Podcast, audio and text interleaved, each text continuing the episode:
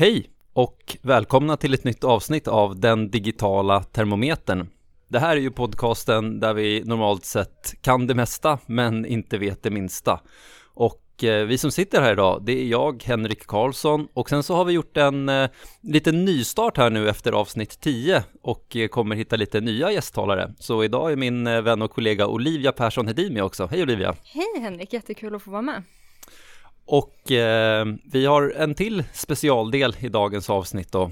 Eh, vi har fått en del lyssnarförfrågningar om specifika organisationer att prata om Mm. och då är det en som vi har fått extra mycket av som är IKEA. Exakt.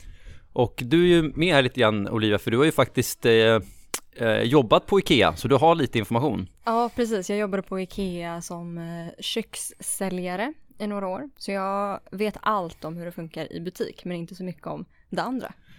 E- Exakt, och givet att IKEA har ganska många tusen anställda så bedömde vi inte det här som alldeles för mycket insiderinformation för att kunna vara med i den här Jag tror det är 149 000 anställda. Mm.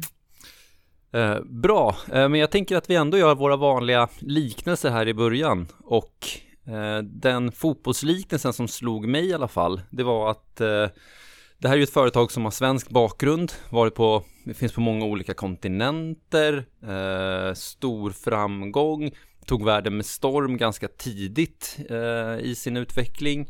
Och där tänker jag på fotbollsspelaren Christian Wilhelmsson. Mm. han eh, kom fram som en frisk fläkt i landslaget för, eh, ja, för drygt tio år sedan och eh, har gjort mycket av sin karriär, delvis i Europa men också i Mellanöstern, han har varit i USA, han skulle ha passat bra i Australien när han inte varit där, så, så det får bli min, min fotbollsliknelse i det här caset. Mm, ja, okej, spännande. Han är aktiv fortfarande. Jag kan ingenting om fotboll. Det är bra. Han är inte aktiv fortfarande, han avslutade sin karriär för tre år sedan eller så Mm. med en lite misslyckad avslutning i eh, Mjällby där han har växt upp. Mm, hoppas det inte blir så för Ikea då.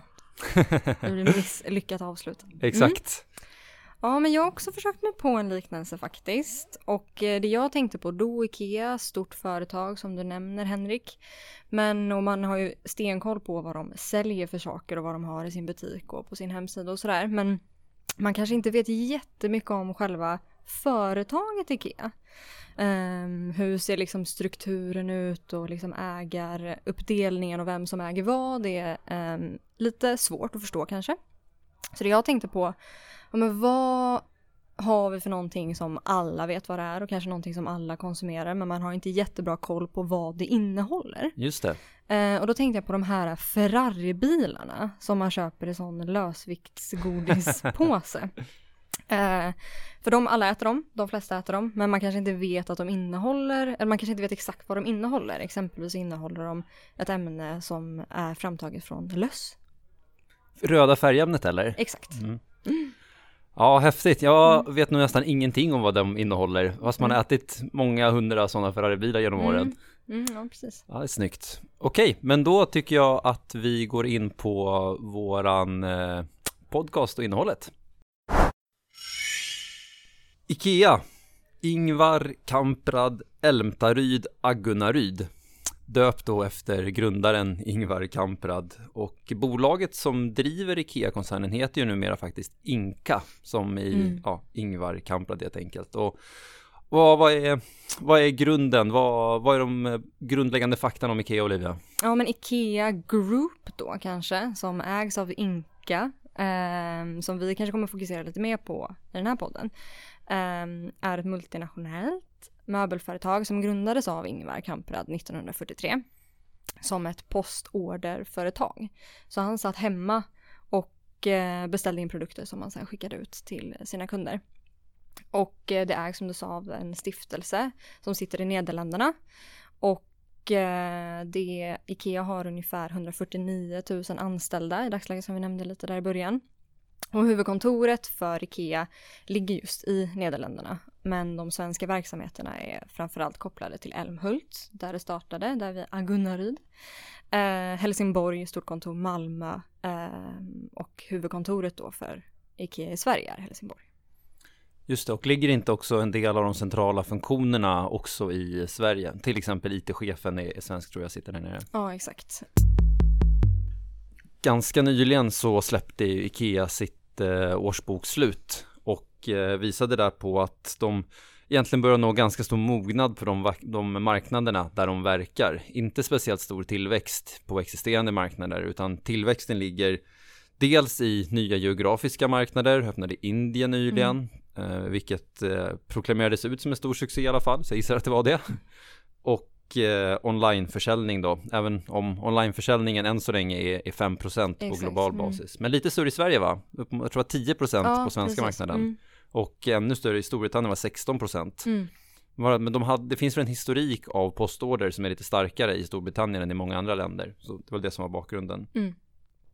Men de, de går ju ändå med vinst år efter år, så det är liksom ett, ett, ett succékoncept. Och kollar man på storleken, omsätter 36 miljarder euro. Det är nästan svårt att liksom försöka jämföra det med någonting, men de hade varit det största svenska företaget Uh, om det hade varit ett svenskt företag då, inte ja, ett nederländskt. Uh, kanske i paritet med Volvo då, som numera räknas som det, ja, som nu är det största svenska företaget. Mm. Lite beroende på växelkursomräkning.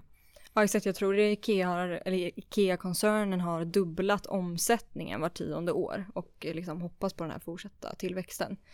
Um, och det är ju det som är intressant och det som är kopplat till när du pratar om e-handel nu, att jag tror att 70% totalt av det som liksom omsätter i Ikea, eller 40% av liksom försäljningen, 70% eh, sker i varuhus, men att eh, 30% levereras direkt hem till kund. Och jag tror att det här, ja vad kommer hända här eh, framöver? Just det, just det. Ja, jag läste faktiskt om Ikea i en, eh, en bok nyligen. Richard Rummelt har skrivit en bok som heter Good Strategy, Bad Strategy. Mm. Good Dog, Bad Dog. ja, men då, då försöker han förklara varför har Ikea under så lång tid varit så framgångsrika och hyfsat outmanade, eller utmanarna i alla fall inte lyckats, eh, lyckats uppnå samma framgångar som Ikea. Och det är för att han beskriver det som att här finns det en dynamik i branschen i, som Ikea verkar som, som är av kedjekaraktär. Mm. Att det är ett antal komponenter som, som tillsammans bildar en väldigt, eh, ja, ger större utväxling än vad varje enskild komponent kan åstadkomma. Och att bara få en eller två av de här komponenterna ger inte alls samma utväxling. Mm, det har alla liksom. Mm. Exakt, och därför är det väldigt svårt att eh, ja, för någon annan att eh, bygga långsamt en efter en komponent för att det är en jätte, jätteförlustaffär att bara ha några stycken tills man har fått alla. Och exemplet här då, om man ska jämföra med industrin, att traditionella möbelförsäljare, de har inte de här stora lagren mm. som Ikea har, utan då beställer man och så får man det levererat några månader senare. Traditionella tillverkare, de har inga egna butiker. Ikea tillverkar ju, visserligen eh, lägger de ut tillverkningen, men de designar sina produkter själva. Det är Ikea varumärken som man köper. Eh, detaljhandlare använder normalt sett inte egna varumärken och de har normalt sett inte kataloger som ersätter säljkåren till viss del. Eh, och det finns liksom sådana eh, sån, sån dynamik. Och Ikeas styrka, det ligger då på egentligen tre saker. Mm. Dels att varje kärnaktivitet de gör, design, tillverkning, marknadsbjudande, logistik, försäljning, det behöver de göra jätteeffektivt. Och det tror jag att de gör, eh, särskilt i, i Ingvar Kamprads anda. Det mm, finns ju det, det, klassiska klipp när han blir irriterad på att kaffet inte ska kosta någonting före 12 och så tar de ändå betalt. Han var, han var väldigt noggrann med detaljerna tror jag. Eh, och andra, det, andra karaktäristiken då, det är att de här aktiviteterna skapar den här starka kedjan som gör det svårt eh, för konkurrenter och en existerande spelare att och härma. Mm. Och för det tredje att de, den mängden expertis man byggt i bolaget de är inte helt överförbara mellan varandra. Alltså någon, något bolag som är väldigt bra på tillverkning, de är inte särskilt bra på försäljning. Mm. De som är bra på försäljning är inte särskilt bra på tillverkning eller logistik till exempel. Så att det är inte helt lätt för någon som bara gör en del av värdekedjan att ex, ja, expandera till fler delar av värdekedjan. Och då krävs det nästan att man bygger upp ett företag från grunden. Tänker att nu ska vi starta från noll och bygga ett IKEA-liknande bolag. Men då, då saknas det också en komponent. Mm. För en komponent i IKEA det är att allt hänger ihop. Mm ditt IKEA-kök så kan du stoppa in en IKEA-låda och, och mm, du kan stoppa in din IKEA-diskmaskin och, och allting flyger tillsammans. Så att det är en, eh, ja, förklaringen de hade där på Ikeas framgångar. Ja men det är jätteintressant. Skulle ett företag idag kunna bli ett IKEA som du säger om man, om man tog alla de här komponenterna som du pratar om som IKEA gör bra. Skulle man ändå lyckas i och med hur marknaden förändras nu? Kan man starta ett ny, en ny detaljhandel som har det här stora fokuset på fysisk butik? och lyckas med det 2018, 2019. Exakt, det skulle nog vara svårt. Det finns ju också en kultur som har byggts upp under lång tid av effektivitet. Mm. Och nystartade bolag brukar sällan präglas av effektivitet. De brukar präglas av snabbrörlig, snabbrörlighet snarare. Mm, och fokus på tillväxt. Mm. Exakt, så att Ikea, de, de, de står nog faktiskt hyfsat trygga tror jag i sin affärsmodell. Det är också det de säljer är ju också saker som inte är så lätt digitaliserade. Du kommer, du kommer behöva ett bord, du kommer behöva en stol oavsett om eh, ja, hur, mycket, hur mycket IT och teknologi tar över världen. Mm, verkligen, men det är jätteintressant. Men ska vi ta vidare lite med digitalisering av fysiska produkter? Eller ska vi Absolut. ta lite mer om strategi? Nej men för det är jätteintressant det där du säger. De, Ikea har ju verkligen en range av allt du behöver till ditt hem. Du har ju allt från soffor till, eh, nu säljer de tv-apparater till allt Mm. möjligt. Eh, korv, mat, allt som man behöver. Men ehm, de har också gjort en ganska stor satsning nu på senaste tid kring ja, men uppkopplade smarta lösningar till hemmet. Lampor exempelvis eller eh, trådlösa laddare och så vidare. Så det känd, och det här var de ganska tidiga med som sån retailer som når ut till, enligt deras koncept, de många människorna. Eh, och det är intressant, där har ju alla retailers följer efter, men Ikea var snabba på den pucken. Jag har ju ofta rollen i den här podden som den, den oimponerade av företags snabbhet. och jag kanske tar den den här gången Ja, också. Att jag hade förväntat mig mer. Ja. Eh, För att de exemplen de har, det är, det är väl nä- nästan de där två med Ja. trådlösa laddare och ja, en lampa som du kan styra med en app Mm. ungefär. Eh, Det har ju funnits ganska länge. Philips har haft den i, om inte tio år så nästan i alla fall. Mm. Och okej, den blir billigare och mer tillgänglig. Men jag, jag tycker att det borde kunna finnas så mycket mer saker de skulle kunna göra. Och särskilt när det kommer till det uppkopplade hemmet. Mm. I en tidigare podcast kring Electrolux tror jag. Så pratade de om att Electrolux borde vara ganska bra rustade för att bli eh, leverantör till enskilda individer av alla möjliga tekniska utrustning som hänger ihop. Mm. Vad skönt det vore om jag hade en app där jag kunde se ja, mina lampor men också min ugn, min kyl, min, alla, min dörr, Mm. alla möjliga tekniska saker. Och Ikea har ju alla de här produkterna. Absolut. Och de skulle verkligen kunna låsa in sina konsumenter och få ännu mer marknadspenetration om de kunde koppla upp produkterna och erbjuda någonting ännu mer förutom bara att ställa ut ett bord eller ställa ut en kyl eller en ugn. Ja, jag tycker verkligen de har förutsättningar för det där också. För jag ehm, hittade att de har någonting som heter Space 10 eller Space 10. Mm. Som är någon sån inkubator eller labb, kanske man kan kalla, ja mer ett labb, innovationslabb. Där man, syftet med det är att man liksom snabbt ska kunna få ut den här typen av produkter. Eh, jag tror att den här IKEA-appen Space som har en sån AR-komponent, Mm. att den togs fram på bara några månader via det labbet. Just det.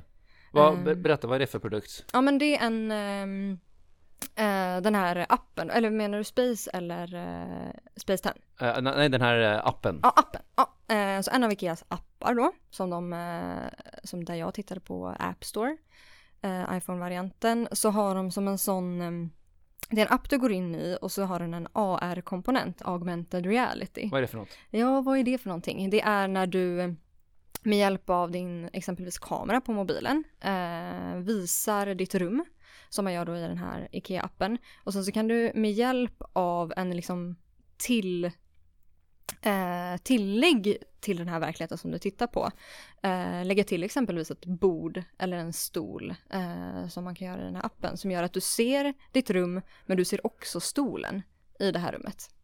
Eh, och det här eh, har då Ikea utvecklat en sån app där du kan eh, filma ditt rum eller titta på ditt rum och så lägger du ut bilderbokhyllan eh, så kan du se hur det blir. Just det, det finns olika färger säkert man kan Ja, välja. Hela, ja, Precis. det är ju jättehäftigt. Exakt. Eh, det jag kanske hade velat önskat med just den appen, om vi ska fortsätta prata om den, ehm, att man hade kunnat köpa den här bilderbokhyllan. Det tänkte jag också på när man är i butiken. De Mm. har ju en, en sån här in-store navigator där man kan hjälpa sig att hitta var man ska gå i Ja, butiken exakt. och man kan också göra inköpslistor och sånt. Men jag var på Ikea i somras och skulle köpa sängar för att jag hade tid en dag att åka och hämta dem så jag ville inte köpa dem online Mm. för kunde, då skulle jag inte kunna ta emot dem. Och då måste man ju gå till den här sängavdelningen för att ta en nummerlapp och Ja. vänta på att få liksom beställas. Det var det du jobbade med Ja. kanske? Jag väntar på att betjänas då av, av, en, av en i personalen som ska knappa in exakt det som jag skrivit ner på min lapp Mm. i systemet och sen kan jag få ut sängarna. Mm. Där hade det varit extremt skönt för mig om jag bara hade kunnat ta det jag hade skrivit i inköpslistan och sen trycka på order, Mm. eller till och med på pay. Mm. Och sen Och kunde jag åka och hämta upp det. Ja. Mm. Ja, verkligen. Ja, du, du, blev till, du blev skickad till varuutlämningen. Exakt. Men det kan jag köpa. Man måste Mm. hämta varorna någonstans antar jag. ja, precis. Ehm, Jag tänkte också på det här, eh, det finns ju såklart en risk med att bygga in teknik i många små komponenter. Det kallas ju ofta för det här Internet of Things, Mm, att man ska ha precis. internet i alla möjliga prylar. mm. Och någon sa någon gång att eh, the S in Internet of Things stand for security. Men det finns inget S. Eh, det är det som är problemet. Ah, okej. Att det är jät- jättestora, jättestor säkerhetsrisk för att Mm. man inte alls har samma typ av granskning ofta i, i ja, små saker som har internet. Och jag såg någon, någon artikel häromdagen där de hade försökt hacka ett vapensystem som amerikanska militären hade byggt. Ja, som de hade kopplat upp. Som Liksom. de hade kopplat upp. Och det Mm. var jätteenkelt. Med, med grundläggande verktyg. Bara, bara att man skannade systemet fick det ibland att sluta fungera. Mm. Och eh, det här blir ju, alltså det är ju jätteviktigt med, med säkerhet, särskilt när man kopplar upp så många olika saker, men det är ett extremt eftersatt eh, område. Vi har ju kollegor som jobbar med, Mm, med säkerhet precis. på Knowit, som eh, ja, ser det på vardaglig basis nästan, den typen av, av utmaningar. Ja, men jag tänker bara som om eh, det finns ju sådana smarta lås till hemmet. Om Ikea exempelvis skulle gå in i den branschen, så eh, vad händer då om någon hackar ditt lås till dörren? Exakt, jag har ju ett smartlås Ja, hemma. du har en smartlås. Är du rädd för det Henrik, att du Det- ska bli hackad? Det är jag faktiskt inte rädd för. Däremot så Mm. kan jag bli rädd för så fåniga saker. Vi har städning hemma då och då. Mm. Och eh, eh, förpackningen som låset kom i, där finns det en kod som gör att man kan ta över låset. Ah, Tänk, jag tänk om de Mm. hittar den och tar över låset Mm. och så kommer inte jag in i lägenheten.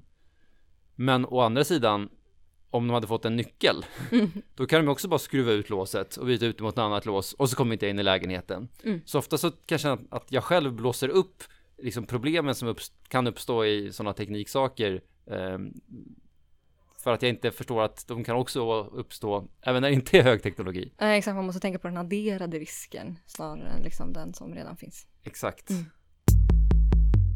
Och i och med det så kanske vi ska gå in lite grann på deras eh, interna IT. Mm. En eh, svensk CIO va? Exakt. Och eh, en Helsingborg. Helsingborg, stor del av, av IT tror vi också sitter i Sverige, även om det är såklart utspritt över världen. Mm. Organisationsmässigt så verkar de ha en sån här BCIO-struktur eller Business CIO-struktur, det vill säga att man har IT-organisationer som är fördelade till respektive affärsområde. Tror jag, tror jag, eh, bedömt på vad vi sett för, för jobbtitlar i, i intervjuer och liknande. Ehm, och de har historiskt sett velat använda sig av standardplattformar Mm. men börjat inse att de täcker inte de spetsiga krav de själva har men de täcker andra saker som Ikea inte behöver och är då eventuellt inne på att gå ifrån strategin av standardplattform och istället hitta specialiserade lösningar för varje område och sen är väldigt duktiga på att integrera dem. Eh, och vad vi ser ju den trenden på flera ställen. Vad, vad blir svårigheterna i det tror du? Ja, men det finns flera svårigheter med det. Eh, en av de stora liksom, utmaningarna eller något som man kanske inte vill är att Eh, det driver ju liksom större kostnader för underhåll och etc. Än om man har liksom en genomgående liksom, lösningsfokus på, på IT. Men det som det också ställer ganska höga krav på är de här olika integrationerna eh, och vad det innebär kring exempelvis om vi pratade säkerhetsaspekter men också vad som händer med informationen däremellan och att det ställs liksom ganska höga krav på de integrationerna då än ifall man har en liksom helhetsvariant. Ja, jag tänker också på att det finns en del grundfunktionalitet i standardplattformar, kanske till exempel i datamodellering. Hur ska vi se på olika dataentiteter? Vad är en produkt? Vad är ett pris? Vad, vad är en kampanj? Mm. Som standardsystem ofta positivt och negativt i alla fall kan hjälpa en att styra. Men nu måste man själva se till att ha de definitionerna och själva se till att implementera det på ett logiskt sätt kors väldigt många olika system i en sån, ett sånt scenario. Och det måste ju också vara liksom businessfokuserat. Det just din verksamhet ska göra måste ju vara det den här plattformen är bäst på. Om man då behöver liksom olika delar som är bättre på just ditt fokus som för Ikea kanske är retail planning. Jag, Mm. jag tänkte på det, vad tror Mm. vi är deras viktigaste det viktigaste systemstödet som de behöver. Vi sa ju förut att de Mm. har den här cha- chain link som måste vara Ja. väldigt bra på väldigt mycket då. Ja, precis. Men Jag tror också att det är eh, produktplaneringen. Um, säkerligen också eh, logistik. Ja, det tror jag den är stor. Exakt. Och, och ja, produktplaneringen och kanske paketeringen av produkter. Mm. Jag vet inte, jag har inte sett så mycket om deras dataanalys och om de använder liksom stora mängder försäljningsdata för att påverka sin produktutveckling och sånt där. Har du sett någonting? Nej, jag hittade faktiskt ingenting om det heller. Ehm, men jag har sett lite andra som vi kanske kan prata om senare som är kopplad till liksom, innovation för produkterna. Eh, där de har initia- initiativ att de vill jobba med det. Mm. De har ett bootcamp där de sökte efter olika startups som skulle samarbeta med IKEA för att bli bättre på då exempelvis data analytics, alltså databearbetning eh, för att bli snabbare exempelvis. Det där är ju, är ju jättebra och vi brukar ju prata ibland om att man måste våga experimentera, Mm. våga pröva saker och det här är ett jättebra sånt exempel. Likadant med eh, Space 10 Mm, eh, exempel du drog tidigare. Det är ju lovande saker faktiskt ur Ikeas verksamhetsutvecklingshänseende. Det som också jag tycker är ganska intressant om man tittar på liksom IT-organisationen och vad CIO egentligen är chef över så tror jag att det är IKEA Digital Solutions och IT. Mm. Eh, och ger det då en indikation på att den avdelningen fokuserar både på liksom digitala lösningar ut till kund men också på den interna ITn. Och det är ju i mixen däremellan man, man vill jobba inom IT. Jag tycker att det är jättebra. Eh, många IT-organisationer, kanske mer för några år sedan, men fortfarande har lite introvert fokus och man brukar ofta vilja att IT har ett affärsfokus. Sätter man då ett resultatansvar på sin Exakt. CIO Mm. för en viss verksamhet, det är jätte, jättebra tror jag faktiskt. Ja, Även om det såklart kan medföra vissa risker. CIO kanske inte är den, den starkaste affärs, affärspersonligheten alla gånger. Nu pratar vi inte just om IKEA CIO som Nej, vi inte vet precis. så mycket om dem, men Mm. generellt. Eh, Men det är den typen av, av förmåga man sannolikt behöver växa. Precis. Ja, det är jätteintressant om det nu är så att vi har tolkat det här rätt att de jobbar integrerat med de två. Eh, och förhoppningsvis då kanske man vill att de här digitala lösningarna ska ha en liksom ytterligare, eller att rangen av den produkter kanske borde vara lite större. Exakt, och att digitala lösningar Mm. inte är så här, hur, vad har vi stora skärmar i butikerna? Mm, Utan att det är verkligen kunderbjudanden. precis. Mm. Okej, ska vi våga oss på att försöka sätta ett litet eh, gradtal på IKEA? Vi brukar ju sätta då från 0 grader, vilket är fryspunkten, till, till 100 grader, kokande. Mhm. Och var någonstans mellan de eh, placerar sig. Och eh, vill du börja Olivia? Ja, men jag kan börja testa mig på en. Vi har ju inte lyckats få fram jättemycket information, vilket vi pratade om där i början, kring den interna delen. Ehm, men om vi tittar på den externa delen känns det som att de har potential. Men som du Henrik sa, att de kanske inte riktigt är där än. Eh, de har de här olika initiativen kring Space 10 och Bootcamp, men just lösningarna till kund kanske man skulle kunna rampa upp lite. Så jag vet inte, är, är 65-70, är det är lågt här? Ja, Jag, kanske, jag skulle sätta en aningen högre Ja. tror jag. Ehm, det som jag gick in inför den här researchen och tänkte att de kanske är lite fat and happy. Ja, Att så. det har gått så Mm. bra och vi behöver inte göra några större satsningar. Vi har Mm. världens bästa affärsmodell. Men nu gör de ändå en del satsningar. De Mm. gör Space 10 och de gör Mm. de här bootcampen. Så jag är inne på att det kanske är upp mot 80 grader, 85 Mm, det grader. känns- det. Mm. Vad vi, okej, baserat på det lilla vi vet internt då. Eh, min tanke där är att dels så skulle jag bara generellt förvänta mig att den här maniska eh, sökandet efter effektivitet som de har i organisationen också avspeglar sig på IT. Och kanske en, en indicie på det, det är att CIOn som sitter där har varit på IKEA väldigt länge Ja. och i den här rollen ganska länge också. Mm. Och det är tecken dels på att personalen har förtroende för honom och därmed att de gör det som, eh, som han vill. Det gäller toppstyrt, men ja, de, de arbetar i, i, i rätt strategisk riktning. Men också då att eh, han har förtroende från ledningen. Mm. Och det har man inte om man inte är effektiv och duktig och når, eh, når framgångsrika leveranser. Mm. Så utifrån det indiciearbetet så skulle jag inte vilja sätta att de är lägre internt än externt faktiskt. Nej. Mm. Men vad landar vi då? Du var inne på kanske runt 70, jag var inne på kanske Mm. runt 85. Ska vi Mm. landa på 80 eller? Vad Ja. tror du? Det funkar. Det är bra och eh, hyfsat väl positionerat, är väldigt väl positionerat ur ett generellt strategiperspektiv Mm. och affärsmodellperspektiv. Eh, viss risk såklart, men även att det kommer en ny spelare som Mm. hittar vägar in i det här Exakt. eh, kedjesystemet. Mm. Nej, men det är jätteintressant det där du säger kring strategin för att det mm, de har ju visionen att eh, ge produkter, att sälja produkter till de många människorna. Mm. Och det här är någonting som varenda medarbetare på IKEA vet om. Det står skrivet överallt. Eh, så att det, är ju- det ska de ha, att de är duktiga på att liksom förmedla den strategin och visionen till alla som jobbar där. Just det. Jaha, då kanske vi börjar bli klara. Tack så mycket Olivia för att du kunde tack vara med. Henrik, det var jättekul. Ja, och eh, vi hoppas på att kunna ha flera eh, gäst, eh, gäster i podden här framöver. Mm. Och- Mix it up lite. Exakt. Ja, vi brukar ofta debattera jag och Patrik ifall det ska svänga eller inte. Men jag tyckte det svängde ganska bra idag. Ja, förhoppningsvis. Eh, som vanligt så kan eh, ni nå oss på den digitala termometern at gmail.com eh, eller slänga upp lite kommentarer. Vi brukar göra ett LinkedIn-inlägg för varje avsnitt där det ibland uppstår lite bra diskussioner efter poddarna. Då säger vi tack så mycket. Tack så jättemycket.